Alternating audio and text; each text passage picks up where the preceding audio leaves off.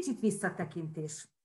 Ez a mai program egy kicsit arról szól, hogy mi történt az elmúlt 14 alkalommal, mit tanultunk meg, milyen üzeneteket hallgattunk, és azt kértük, ugyan Tibor hálózati vezetőt, hogy ossza meg velünk a gondolatait arról, hogy számára mik voltak a legfontosabb pillanatok, mit érzett a legfontosabb gondolatoknak és üzeneteknek ebből a programból. Szia, Tibi! Köszönöm szépen, Szóval Gyöngyi. Én egy kicsit egy kisebb kitekintést szeretnék adni, és szeretnék üdvözölni mindenkit, jó látni titeket 111-en. Külön, külön örülök annak, hogy sokan be is kapcsoltátok a kamerát, és tényleg láthatjuk egymást. Erre adnék egy kis visszajelzést is majd. Tehát egy kicsit tágabb körbe szeretném végiggondolni a dolgot, és kezdeném avval, hogy 2020 lesz az az év, amit senki nem fog elfelejteni közülünk, egészen biztos, mert szerintem ez egy olyan év volt, amit még 2019. december 31-én se tudtunk volna megjósolni, hogy mi lesz ebben az évben.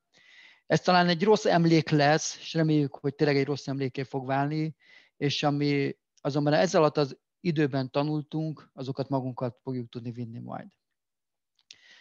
A 2020-as évnek hogyan mentünk neki? Volt egy fantasztikus 2019-es évünk, minden idők talán egyik legjobb szerzési eredményével, azt hiszem a legjobb, és fantasztikusan indult a január is. Mindenki azt mondta, hogy megint egy nagyon jó évünk lesz, és valószínűleg nagy esélyünk van, hogy a 2020-as eredményeket túllépjük, és hogy tényleg egy jó év elé nézünk, és az is lehet, és ez meggyőződésem, de talán egy másik aspektusból, nem csak önmagából az eredmény.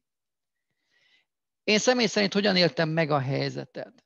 Február végén még sielni voltam néhány napot, Ausztriába töltöttem, amire hazaértem, és március közepére jártunk már, jött az első hullám, és bezárkoztunk. Gyakorlatilag mindenki otthon találta magát.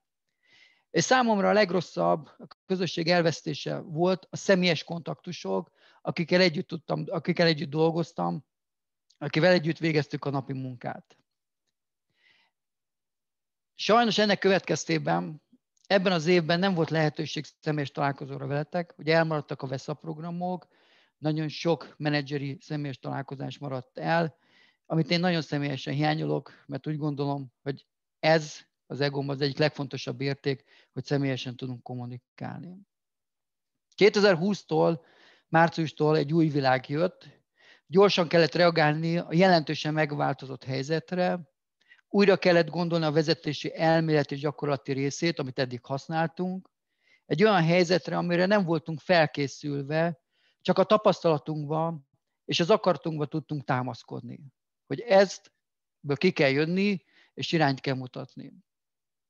Az Ébredj az Egonnal ennek a változásnak a része volt 2020 májustól. A programnak a célja, hogy olyan eszközt adjunk a kezdetekbe, a kezünkbe, ami megváltozott helyzetben segít és fejleszti a vezetői képességeinket és munkánkat. Adjon olyan működő gyakorlatokat és ötleteket, amit be tudunk építeni a munkánkba, azáltal segíti a munkatársainkat, akinek a vezetés a mi felelősségünk, a mi felelősségünk az, hogy továbbra is eredményesek legyenek, és továbbra is pénzt vigyenek haza maguknak, a családjuknak és a gyerekük részére. Ebben a speciális helyzetben minden második héten kaptunk egy impulzust a gyöngyék által, ami felvillanyozott minket, hogy jól csináljuk a munkánkat. Fontos volt az is, hogy lássuk, hogy a külsős, külsős példákat is, hogy nem vagyunk egyedül ebbe az iparágba. Más iparágban is hasonló gondokkal küzdenek ebben a megváltozott körülményekben, és megoldásokat keresnek, és találtak. Vagy ha maga a próbálkozás elérte már azt, hogy tovább tudták vinni a saját üzletüket, az már önmagában siker volt számukra is.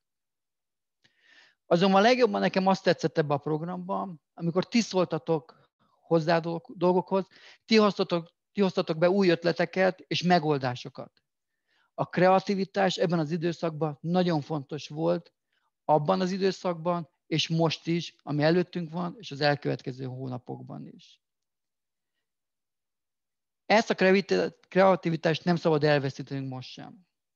Azok lesznek a győztesek, akik tudnak fejlődni, igazodni a változó körülményekhez, És hogyha valaki egy évvel ezelőtt azt mondja, hogy ez fog történni 2020-ban, akkor vagy bolondnak nézzük, vagy bullshitnek tekintjük, vagy azt mondjuk egy lózunkat, hogy csak egy dumálgat, pedig már a december végén ugye ott már Kínában történt valami.